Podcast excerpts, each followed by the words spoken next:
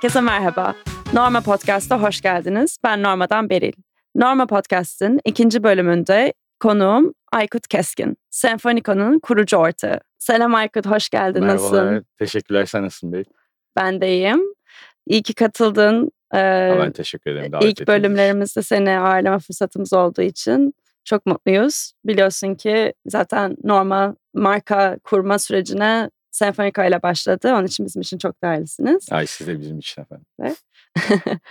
Tabii başlayalım. Aykut Keskin kimdir? Bize biraz bahsedebilir misin? Bahsedeyim tabii. Ben Senfoniko'nun senin de söylediğin gibi kurucu ortaklarından biriyim aslında. Şu andaki görevim de biraz daha strateji ve dijital ekiplerin liderliği e, olarak ifade etmek doğru olur herhalde. İki tane daha ortağım var. Tolga ve Can Mert. E, onlarla beraber kurduk Senfoniko'yu yaklaşık 6 sene, belki 6 seneden biraz daha uzun bir zaman oldu. Bizim hepimizin ilk ajans deneyimi e, Senfoniko. Biraz daha geriye gidersek e, işte ben endüstri mühendisliği mezunuyum aslında. Ondan sonra yönetim danışmanlığı yaptım. E, Senfoniko'da ikinci e, girişimim. İlki hakkında çok konuşmuyoruz. Peki Senfoniko'yu neden kurdunuz ve kendin dedin sen endüstri mühendisliği okudum dedin, e, yönetim danışmanlığı yaptım dedin.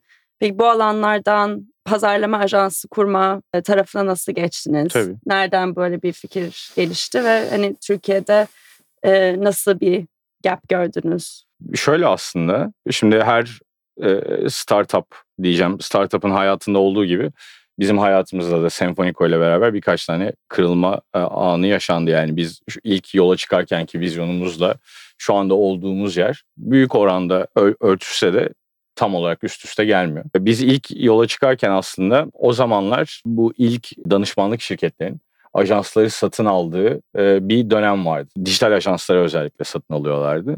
E, ya da kendi işlerinde dijital ajans ekipleri kurmaya başlamışlardı. E, biz o trendi gördüğümüz noktada biraz acaba bir ajansla yönetim danışmanlığının hibridi bir modelle şey yapabilir miyiz?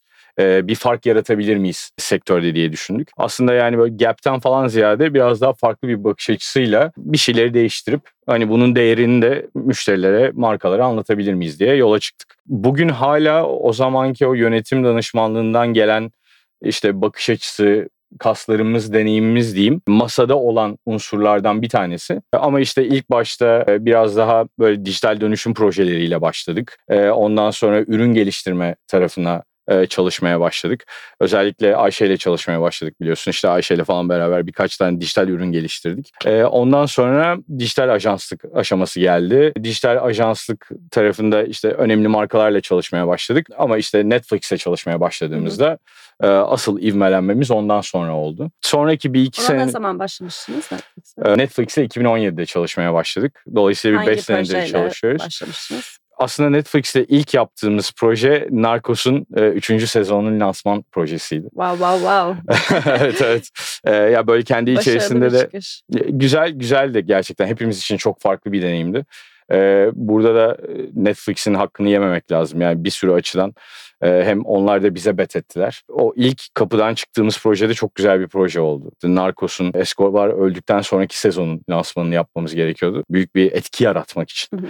Bir pazar günü Boğaz'dan üzerinde Kolombiya'dan sevgilerle yazan böyle kocaman 100 metrelik bir tane tanker geçirdik. Ve öyle başladı aslında Netflix'le maceramız. Ondan sonra çok güzel projeler yaptık ettik. Devamlı büyüyerek hem onlar hem biz bir, bir, bir noktaya geldik hakikaten. Sonrasında aslında bir dijital ajanslık serüvenimiz oldu. Bayağı dijital ajans olarak işler yapmaya başladık. Farklı markaların işte sosyal medyalarının yönetiminden tut dijital kanallardan nasıl faydalanabilirler? İşte yeri geldiğinde e-ticaret iletişimi olabilir bu. Yeri geldiğinde dönemsel kampanyaların dijital kurguları olabilir. Bunlarla uğraştık. Bunlar için zaman harcadık.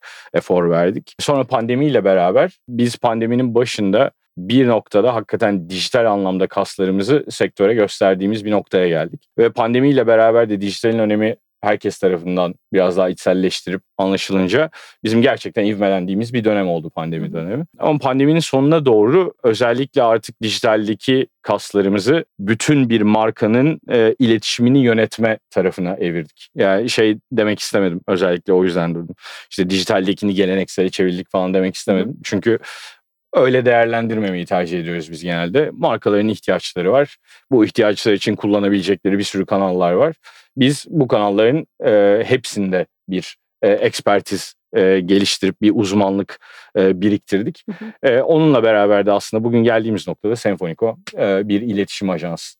Markalarımızın işte dijital olsun, e, televizyon olsun, outdoor olsun, aktivasyon olsun markalarımızla beraber karşılaştığımız fırsatları değerlendirmeye çalışıyoruz. Problemleri çözmeye çalışıyoruz. Riskleri bertaraf etmeye çalışıyoruz. Bu anlamda da kendimizi bir çözüm ortağı olarak konumlandırıyoruz diyebilirim. Biraz aslında Senfoniko'nun yolculuğu da bu şekilde evet. gelişti. Aynen öyle. Ne güzel.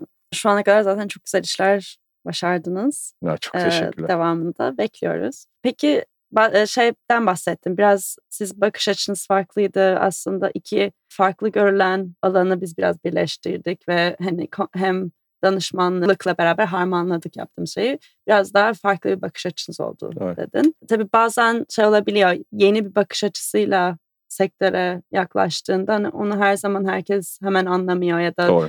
hala e, iletişimde olduğunda potansiyel müşterilerle vesaire şey olabiliyor. Onlar hala o diğer dilden konuşuyorlar. Siz Doğru. farklı bir dilden konuşuyorsunuz. Biraz orada şeyden bahsedebilir misin? Kendi bakış açınızı anlatmanız ve biraz o tarafa geçmeniz nasıl oldu Tabii. o süreçte? Benim kişisel olarak çok zorlandığım bir konu oldu bu özellikle. Ee, belli bir noktaya kadar hatta işte tanıştığımız potansiyel müşterilere biz ajans değiliz falan gibi saçma diretmeler yapıyordum. Ee, ama bir şeyi içselleştirmek önemli bence. Hı hı. Bir vizyon sahibi olmak ve neyi farklı yapmak istediğin konusunda net olmak önemli. Ama şeyi de unutmamak lazım. Yani herkesin bugün çözmesi gereken dertleri var. Bugün erişmesi gereken hedefleri var. Ondan sonra bugünkü hayatlarında alışık oldukları mekanizmalar var. Dolayısıyla bu vizyonu anlatırken bunun bugündeki yansımasını da anlatmak lazım. Yani bu yolculuktan benim çıkardığım ders şey konusunda çok ısrarcı ya da işte biz buyuz ve sadece bunu yaparız konusunda ısrarcı olmamak gerekebiliyor zaman zaman. Tabii ki her sektörün, her markanın farklı yolculuğu var ama Belki biraz daha biz bir de B2B'de bir iş yaptığımız için bunu içselleştirmemiz gerekti. Bunu şöyle yaptığımızı düşünüyorum ben. Biz işte yeni bir ajans tanımı ya da işte çok böyle ulvi konseptleri insanlara anlatmaya çalıştığımız bir dönem geçirdik ve çok verimsiz oldu bizim için hı hı. E, o dönem. Ama ondan sonra biraz daha alışık olan konseptleri nasıl evirdiğimizi nasıl farklı yaptığımızı anlatmaya çalıştık. Hı hı. E, ya o perspektif farkı e, bizim için önemli bir an oldu. E, işte mesela nedir bu perspektif farkı dersen biz kurulduğumuz günden itibaren işte içeride bir strateji ekibimiz var. Ondan sonra e, işte büyük bir ekip bu. Bir veri analiz ekibimiz var. Bir Güzel. ürün ekibimiz var. Ve bence bu ekiplerin olmasından daha da önemli olan konu. Bu ekipler işte e, kreatif ekiple, marka ekibiyle ve sosyal medya ekibimizde el ele çalışıp beraber bir şey ortaya koymaya gayret gösteriyorlar. Hı hı. Aralarda duvarlar yok şu senin işin bu benim işim gibi bir konumuz yok. Bence yine bizim kültür olarak yapabildiğimiz şeylerden bir tanesi de şu. Biz e, ve ekibimiz de meraklı insanlarız. Dolayısıyla biz bugün oturduk ve geldiğimiz noktada zaten her şeyi öğrendik, her şeyi çözdük gibi bir tavırla masaya oturmuyoruz. Ya iş yaptığımız alan da öyle bir alan değil. Bence çok sık değişiyor, çok hızlı değişiyor ve devamlı adapte olup kendini yenilemen etmen lazım. Ekibimiz de buna ayak uydurduğu zaman işte bu e, nasıl veriden besleniriz, işte kreatif ekibimiz açık fikirlilikle biz veriden nasıl beslenebiliriz diye baktığında, biz teknolojiden nasıl beslenebiliriz diye baktığında ya da strateji ekibinin ortaya koyduğu bir pazar resmini gerçekten anlamaya çalışıp reel bir iş problemini çözmek için kafa yorduğunda hakikaten fark yaratmaya başladık oralarda diyebilirim. Süper.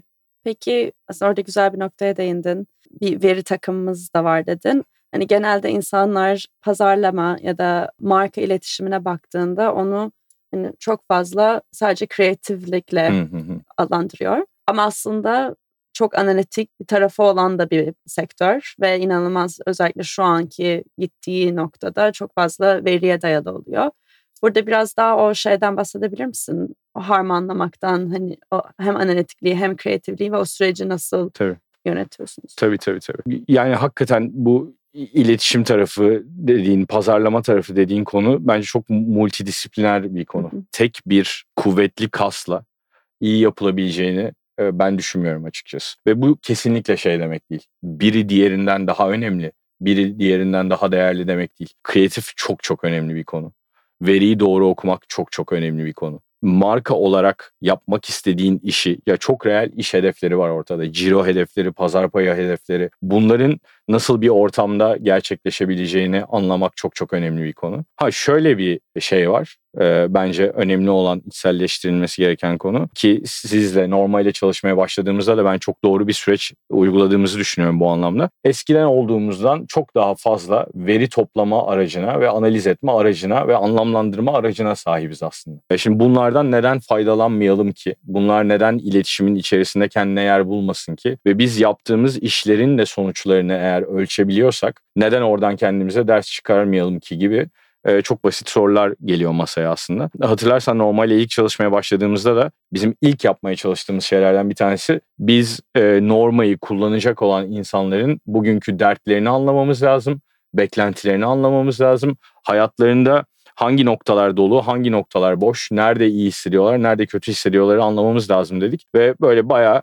aslında online bir araştırma süreci yürüttük hep beraber. İşte freelancerlarla görüştük, esnaflarla görüştük ve burada işte yaptığımız görüşmeleri kaydettik. Oradan hep beraber anekdotları anlamlandırmaya çalıştık. Kreatif ekibimiz onları güzel anlatmanın, dikkat çekici bir şekilde anlatmanın formatlarını, mesajlarını e, uyguladılar. Yani dolayısıyla el ele yürüme konusu iki tane konunun e, işte hatta bir sürü konunun iki de değil veri olsun strateji olsun kreatif olsun çok çok e, önem verdiğimiz bir konu. Girişimci gözüyle baktığımda bu arada bazı şey bana çok önemli geliyor. Ya bu kadar multidisipliner yani bugün startupların çoğu B2B de olsalar, B2C de olsalar başladıklarında bir iletişim yapma ihtiyacıyla yola çıkıyorlar. Founder'ların biraz şey anlamında güçlü kaslarını iyi anlamaları lazım bence. İşte ben daha kreatifim, ben daha analitiğim ya da ben şu alanda daha güçlüyüm dediği kasları belirleyip zayıf oldukları yerler hakkında kendilerine biraz daha dürüst olup oraları da ekipleriyle doldurmaları lazım. Ee, gerçekten böyle hani bir şey gibi bir konu değil bu bence. Kreatifsen biraz daha analitik ol, analitiksen biraz daha kreatif ol gibi bir konu değil bir araya doğru insanları getirerek çözmen gereken bir problem diye düşünüyorum. Sen kendin biraz değindin aslında işte normal marka kurma noktasına. Biraz aslında ondan bahsedelim. Tabii. Marka kurarken, yeni bir şirket başlatırken aslında nasıl bir süreç güdülmesi gerekiyor? Ya da senin için normale başlattığım sürecin doğru olduğunu düşünüyorum dedin. Orada nelere dikkat edilmesi gerekiyor? Ee, bu, bu burada şöyle yapalım istersen. Bence şey gibi bir dünya yok yani. Herkes aynı yolculuktan geçmesi gerekir gibi bir şey yok. Ama biraz bizim Norma'daki yolculuğumuzdan bahsedip belki oradan evet, e, şey yapabiliriz. Oradan anlatabiliriz. Hakan ilk Norma'yı anlattığında e, biz işte Tolga ve Can Mert şey yapıyorduk. Yani biz yaşadık abi bunları ee, yani biz de e, küçük bir şirketken aynen küçük bir şirketken e, işte bir tarafta mali müşavirle yönetmem gereken bir dünya var. Bir tarafta ödemeler var. Bir tarafta hangi ödeme geldi işte ben faturayı ne yaptım falan. E, yani bunlarla bizde sağ olsun Tolga birinci günden bu arada onlar da hep süreci götüren insan oldu. Bizi büyük bir şeyden kurtardı ama hep beraber yaşadık bu acıları. Dolayısıyla Hakan anlattığında şey heyecanıyla masaya oturduk. Oh yani. Hatta ben kardeşim için falan sevindim. Şimdi kardeşim de bir şirket kurmaya çalışıyor. O da ee, freelance. Evet, e, tasarımcı o da danışmanlık falan yapmaya çalışıyor. İşte biraz rahat etsin diye normadan önce ben ona böyle Google Sheets'te bir şeyler yapmaya çalıştım ki kolay takip etsin. e, ama şimdi onu da normalı yapıp e, rahata erdiriyoruz. yani dolayısıyla o heyecanla bir sürece başladık. İlk başta şeyi anlamaya çalıştık. Şimdi founderlar için şeyler çok net oluyor. Ben hangi sorunu çözeceğim, kimin için çözeceğim konusu. Biz ajans olarak masaya oturduğumuzda bunları o kadar içselleştirerek masaya oturmadığımız için ilk etapta bir biz şey talep ediyoruz. Ee, hani bize bir anlatın ki Hakan'la da onu yaşadık. Hı hı. Sonra biz bir kendi dünyamızda bir pişirelim bunu. Belki çok aptal sorular soracağız ama içselleştirmek hı hı. için sormamız lazım. Böyle bayağı bir aslında bizim Norman'ın... Ama çok da der, çünkü aslında sizin soracağınız soruları potansiyel müşteriler de evet. zaten kafasında canlandırıp soracak. bence de, bence de. Ee, orada Hakan sağ olsun bayağı sabırlı davrandı bize. E, geldi şeyi anlattı, işte mevzuatı anlattı, ondan sonra işte SMM'leri anlattı. Yani bütün o süreçteki Bilmek istemediğimiz unsurları. kadar detaylı. E, evet evet anlattı ama iyi oldu. Evet. Ee, iyi, iyi oldu yani. Onlara hakim olduktan sonra biraz işte biz hemen şeyi e, anlamaya çalıştık. Yani bir startup olduğu için e, verimliliğin çok önemli olduğuna inanan bir ekibiz biz özellikle startuplarda. Dolayısıyla bizim için e, böyle bunu da okuduğum bir yerde kafamda yer eden bir terim. Path of Least Resistance. Yani en az rezistansla gidebileceğimiz yolu keşfetmek için aslında bir efor sarf etmeye başladık. E burada da şunlara baktık. E, bizim normal olarak değer önerilerimizden hangisi sivriliyor? Biz mesajımızda neye odaklanmamız lazım? E, hedef kitle segmentleri vardı bir sürü. Hatta şu anda bazıları hayatımızda değil mesela aslında. Norman'ın hayatında değil ama o zaman değerlendirmiştik. Ondan sonra onların arasında bir önceliklendirme yaptık. Ondan sonra da doğru mesajı doğru insanları nasıl buluştururuz'a efor harcadık. Burada bence şu da önemli. Yine ben iyi yaptığımız şeylerden bir tanesi diye düşünüyorum ki burada da yine Norma ekibinin hakkını asla yememek lazım. Şimdi bir startup oluştuğunda belli streslerle oluşuyor aslında. İşte yatırımcı süreçleri var sen çok iyi biliyorsun. Hı hı. Yatırımcıların performans beklentileri var. Bazen şeye kayılabiliyor. Biz sadece performansı takip edeceğiz gibi bir dünyaya girilebiliyor. Böyle olduğunda sonradan aslında markalamaya çok ciddi bütçe harcanması gerekiyor. İş büyüdüğünde özellikle. Evet. Ama ilk etaptan marka ve performansı çok Performanstan kastettiğim de şey bu arada. İşte böyle bayağı ben banner çıkacağım, oradan gelecekler, app'imi indirecekler ve üye olacaklar için yaptığın iletişim diyorum. Performanstan kastettiğim o. İkisini bir arada ele aldığında daha verimli olduğunu gözlemliyorduk biz bir süredir. Norma'da bunu hayata geçirme imkanı bulduk. Dolayısıyla hakikaten bir marka performans iletişimi nasıl yapara e, odaklandık. Performansın bizi çekebileceği her yere gitmedik e, diyeyim onun Türkçesi. Ondan sonra böyle PR anlamında da güzel şeyler yapıldı bence. Orada da çalıştığımız çok iyi bir partner vardı. Onlarla sahaya çıktık mesela. Sahaya çıkıp kapsamlı bir araştırma yaptık. Yani bu araştırmalar çok şey kattı. İçgörü olarak, iletişim vesaire olarak. Ondan sonra da işte Norma uygulamasıyla e, hazır olduğunda e, işte sosyal medya hesaplarındaki dili ondan sonra bannerlardaki iletişimiyle yola çıktık. E, o noktada şey de güzel oldu bu arada. Çok böyle e, biz ajans norma norma gibi çalışmadığımız ve entegre çalıştığımız için özellikle iş canlıya çıktıktan sonraki süreçte norma ekibi bayağı bir bayrak taşıyıcısı oldu bu konuların. Bence o anlamda da güzel bir transition oldu herkes için. Yani çok uzun bir cevap verdim sorduğun soruya. Güzel bir cevap. ama şey, şey yani böyle bence birkaç tane konu önemli startup Hı-hı. adına. Çıkabildiğin kadar çabuk piyasaya çıkmak bence çok önemli bir konu. Çünkü hiç kimsenin e, aklından geçenle tüketiciden feedback almak e, aynı şey olmuyor. E, bunu yapabildiğin kadar ekonomik yapmak bence çok önemli bir konu. Bir de gerçekten bu pazara çıkarken neyi anlamak için çıktığını e, net bir şekilde masaya koymak da bence önemli bir konu. Hakan'la yine e, konuştuğumuz konulardan bir tanesi şeydi mesela. Ya biz iletişime çıktık, çıktığımız ana kadar aslında reel olarak hı hı. kim normayı en çok kullanacağı bilemeyeceğiz. Dolayısıyla mümkün olduğu kadar çabuk çıkalım. Tüketicinin karşısına çıkana kadar ki her şey hipotez yani. Hı hı. Ne kadar bilgili olsan, ne kadar araştırma da yapsan e, ondan sonra çıktıktan sonra çok hızlı bir şekilde işte feedbacklerini toplayıp analiz edip yolunu bulman lazım. Benim gerçekten gönlümden evet. inandığım bir şey. Peki şey konusunda mesela dedin sahaya gerçekten çıkana kadar bilemiyorsun. Hı. Çıktığında mesela beklediğinden çok farklı bir üye ya da müşteri kitlesi de gelebilir. Tabii ki. Biraz orada şeyden bahsedebilir misin? Ne kadar o zaman e, stratejini değiştirmen gerekiyor. Pazarlama hmm. stratejinde tabii ki daha onu tabii yöneltmen ki. gerekiyor. Doğru. Öyle kampanyalarda e, mesela bilmiyorum çok e, senfonika iş yaptı mı? Biraz da zor da olabiliyor. Çünkü sonuçta başladığım yerden pivot etmiş oluyorsun. Doğru. Orada başarılı olabilmek için e, nasıl bir yol e, izlemek önemli. Ya bizim yine böyle şeylerde şirket içinde kullandığımız feedback loop diye bir tane şey var. Bir, bir terim var. Aslında şey yaparken normalde de benzer bir şey kurduk mesela. İşte e, iletişime başlarken biz bunun sonucunu nasıl ölçeceğize bayağı kafa patlatıyoruz ki yaptığımız işin doğruluğundan emin olalım. Ondan sonra da bir şey mekanizması kurmaya çalışıyoruz. Periyodik olarak bu feedback loop'un içerisindeki paydaşlar işte yeri geliyor marka oluyor, yeri geliyor performans ajansı oluyor, e, medya ajansı oluyor, yeri geliyor kreatif ajansı oluyor. Bir masanın etrafına gelip aslında doğru bir şekilde veri bize ne diyor'yu konuşuyoruz periyodik evet. olarak. O tartışmalar bize ne kadar sert bir pivot yapmamız gerektiğini gösteriyor. Deneme, yanılma, bakma. Aynen, aynen, Çünkü aynen. dediğin gibi hiçbir proje sonuçta aynı değil. Aynı evet, evet, stratejide ilerleyemiyorsun. Ya, kesinlikle. Yani şey gibi bakmıyoruz biz bu işe. İşte bir tane formül var startupsa bu formülü yaparız. İşte FMCG ise şu formülü yaparız diye bakmıyoruz. Yani hepsinin çok ayrı ayrı dinamikleri var. Şey de bana çok keyifli geliyor açıkçası. İşte o masalın etrafındaki konuşmalar çok keyifli geliyor. Çünkü orada problem çözmeye çalışıyorsun. İstediğin performansı neden alamadığın için. Ha bazen çok böyle ürkütücü sonuçlarla da karşılaşabiliyorsun. Yani işte benim aslında marka önerim Hı hı. e, doğru değilmiş ya da rezone etmiyor. Şimdi Evet. özellikle startuplarda bu olabiliyor. Evet. Daha oturmuş markalar ve ürünlerinde çok karşılaştığımız bir konu değil takdir edersin ki. Ama o da bence startup'ın normal bir akışı yani. Hı hı. 3 kişi, 5 kişi, 10 kişi bir, bir şeyler planlayıp bir ürün çıkarıyorsun. Bunların hepsi beğenilmiyor ya da hepsi Evet. karşılık bulmuyor.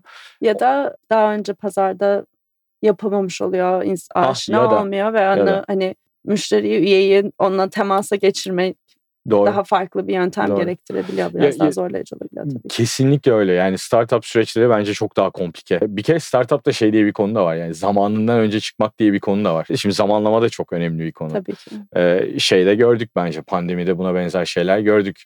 Ee, işte aynı girişimleri pandemiden iki sene önce deneyip fail eden insanlar, yani deneyip fail edilen startuplar pandemide çok farklı Evet. algılandı. Dolayısıyla zamanlama önemli, kaynak gücü önemli. Ya Bir, bir sürü şey var Çok konu var. kontekst. Evet. Aynen öyle. de- Aynen öyle. Ama bence en önemli olan konu şey olmak. Yani hem o masanın etrafında oturan insanların dürüst bir şekilde değerlendirip ve açık fikirli ben Hı. bunu nasıl çözerim odaklanmasını sağlamak. Evet. Biz çok keyifli çalıştık normalde o anlamda. Evet, Ya böyle de- geniş geniş toplantılar yapıp hararetli hararetli tartıştığımız bir sürü konu hatırlıyorum ben. Hepsi de çok keyifliydi. yani. Evet. Devam ediyor. devam edecek. Evet, Ee, devam edecek ve edecekti. ediyor. Peki burada biraz çok hafif e, dokundurdun aslında işte performans, marka vesaire.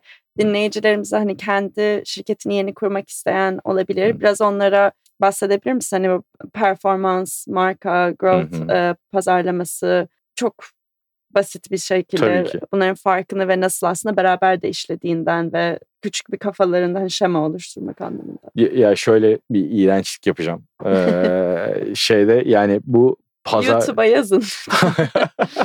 Udemy'ye, Orada- YouTube'a. Aynen. Ee, yok yok hiç hiç o değil ama biraz kendi e, bak yani, yani şu şu beni zaman zaman endişelendiriyor. Çok fazla konsept var ve çok fazla bunların isimlendirilmesi var. Çok. Hı. İşte e, growth hacking'i var, e, performans pazarlaması var, işte sosyal medyada performans var, e, programatik performans var. Yani böyle ben özellikle kendi şeyimden bahsedeyim. İlk e, kurarken biraz şey hissettim kendimi. Yani ben bu okyanusun içerisinde yolumu nasıl bulacağım Aynen. e, şeyini de hissettim. Ama en nihayetinde bence pazarlama konusuna özellikle şöyle bakmak. Ya pazarlamanın bana sorarsan işte trendler vesaireler falan var ama e, herkes bunu yapıyor, bunu yapayım ben de gibi bir dünyası yok. Gerçekten tüketicini, hedef kitleni iyi anlamak lazım. Şöyle örnek vereyim. Mesela biz yine Norma'da değerlendirdiğimiz konulardan bir tanesi. Biz bunu bir esnaf odasına anlatalım ve oradan. Bence bu da çok mantıklı bir pazarlama metodu. Ee, yani her şey dijital olmak zorunda değil. Her şey e, şey yapmak zorunda değil. E, her konu böyle en yeni teknolojiden faydalanmak zorunda değil. Ben bunların farkındalığına vardığımda biraz rahatladığımı hatırlıyorum. Hı hı. Ben müşterim bulmam gerekiyor. Ee, Ondan sonra bu müşterilerin karşısına çıkıp bir şeyler anlatmam gerekiyor. Ve bunu en efektif bir şekilde nasıl yapabilirim? Bunun cevabı YouTube'sa YouTube, e, işte WhatsApp'sa WhatsApp, outdoor billboard'sa billboard. Ki bu arada şu da bence önemli. Ya startup'ın kapıdan çıktığı an en önemli konu genelde satış olması lazım. Hı hı. Ee, ki yani satış demek app'se app'i kullandırtmak demek. Hı hı. İşte bir moda tasarımcısıysan ürünlerini satmak demek. Hı hı. Ee, çünkü gerçekten orada odaklanılan odaklanması gereken konu şey olması lazım. Yani ben tüketiciden feedback alayım olması lazım. Yani Do- temasa geçmek. Aynen aynen aynen ve oradan geri bildirim toplamak da dediğim gibi bence çok kıymetli. Ha pazarlama anlamında ya bugün böyle yapmak zorunda olduğum bazı şeyler yok mu? Bence var. Yani işte sosyal medyada bir varlık sahibi olman gerekiyor. Hı hı. Ne seviyede olman lazım? Ne kadar derin olman lazım? Ne Bunları sektörde ne yaptığına Ha, dayalı. a- aynen müşteri öyle. kitlen- çok çok değişir ya da hangi sosyal medya mecrasında olacaksın da değişir Hı hı. bence. Bir de her gün hayatımıza yeni platform da giriyor. Şimdi bir Reel'a bakıyoruz mesela. Orada bayağı bir, bir şey yapabilir miyiz acaba Hı hı. diye. Dolayısıyla e, sosyal medya öyle bir konu bence. Dijital benim bugüne kadarki tecrübemden her zaman kullanıcı kazanmak için özellikle bu dönemin startuplarında daha verimli bir kanal oldu. E, ama bu çok tecrübe tecrübeyle ilgili bir konu. E, farklısını tecrübe eden de vardır eminim ki. Yani en kısa yoldan satışa nasıl gideceğine odaklanmak lazım. Bence kavramlara çok takılmamak Aslında lazım. sat, tabii satış kanalının nasıl olduğunu Ha, o- anlamak marka. Apayrı bir konu zaten. Bence de kesinlikle. Ona, ondan sonra ona göre de herhalde markalandırmayı Evet. kurmakta.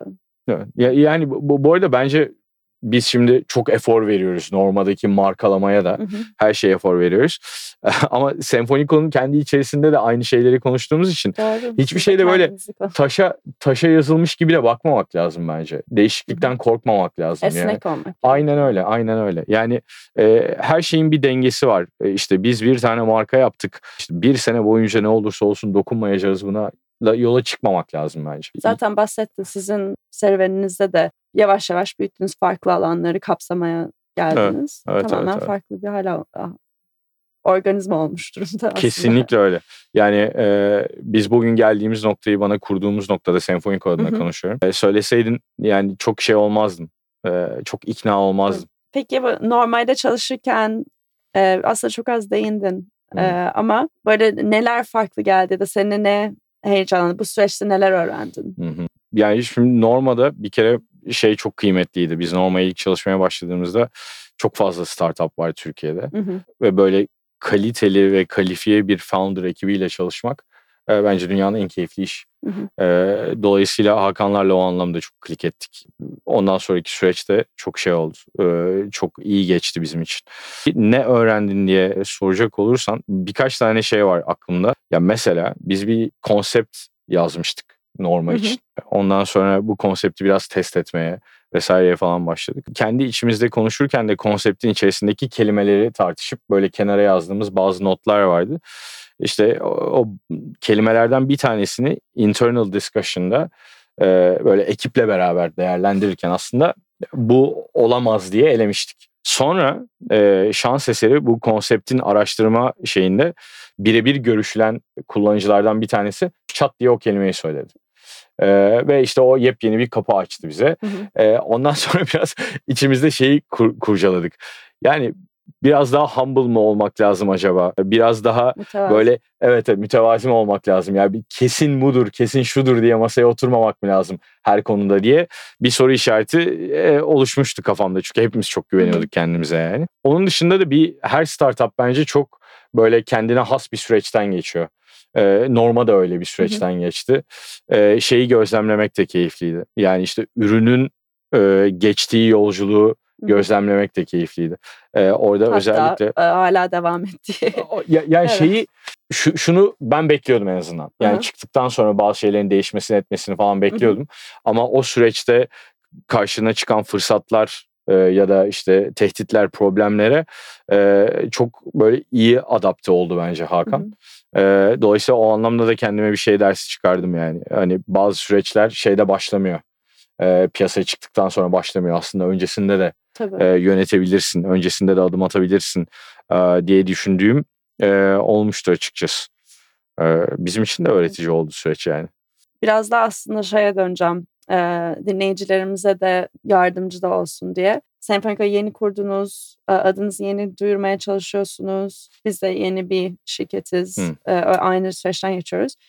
E, peki yani proje almak, satış yapmak vesaire bunlarda nasıl, e, bu süreçlerde nasıl uğraştınız? Yani şimdi şi- şu uyarıyla başlamak lazım. Biz B2B bir iş Evet. yapıyoruz.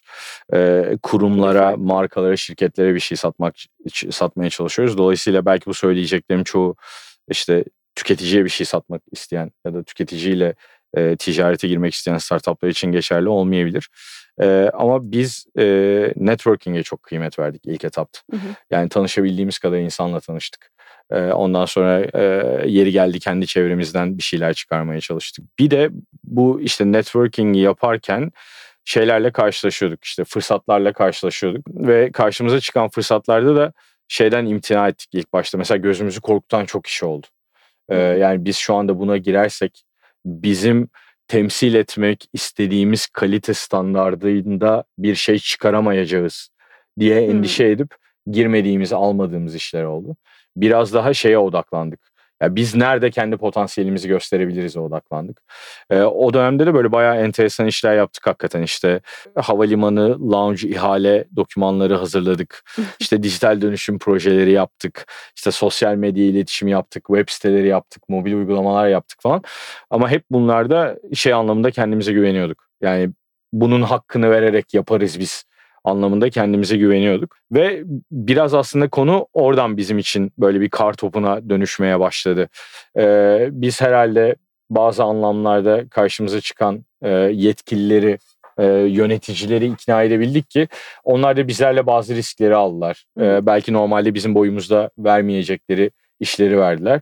E, biz de onun bilinciyle ve sorumluluğuyla o işe yanaşıp her seferinde şeyi ne mutlu ki bize başarabildik. Yani e, beklentiyi geçen sonuçlar teslim edebilmeyi e, başarabildik. Bu alanlarda mesela sektörel tabii çok fazla sektör var ama genelde e, daha uğraştığınız sektörlerde hani farklı trendler nedir sizin hmm. alanınızda ya da biraz daha şeye değinebilir miyiz? Teknolojiyle tabii zaten son e, 10 senede çok şey değişti. Bu açıdan hani ileri bir de şimdi mesela Web3 konuşmaları var. Hmm. Dünya çok farklı bir şekil alıyor. Gen Z çok farklı Doğru.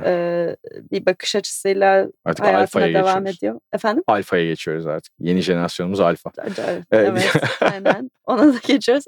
Onlar ne yapıyor onu o da ayrı bir konu. Bu alanlarda hani trendler nedir, gidişat hmm. nedir, neler gözlemliyorsun? Yani trend anlamında konuşulan çok fazla şey var. Ee, böyle çok fazla işte yazı da var. Bir taraftan e, hepimizin böyle öyle ya da böyle aşina olduğu dünyalar var işte. NFT bir konu başlığı, Metaverse bir konu başlığı, hı hı. blockchain bir konu başlığı. Ondan sonra işte özellikle uzun format içerikler bir konu başlığı. Ama bunlar böyle biraz daha bana şeymiş gibi geliyor. Nasıl söylemek lazım? Yani e, odaklı trendlermiş gibi geliyor. Hı hı. Bir, biraz daha sanki böyle makro trendlerle ilgilenmek daha doğru olabilir diye düşünüyorum. Çünkü mesela Metaverse'ten örnek verelim.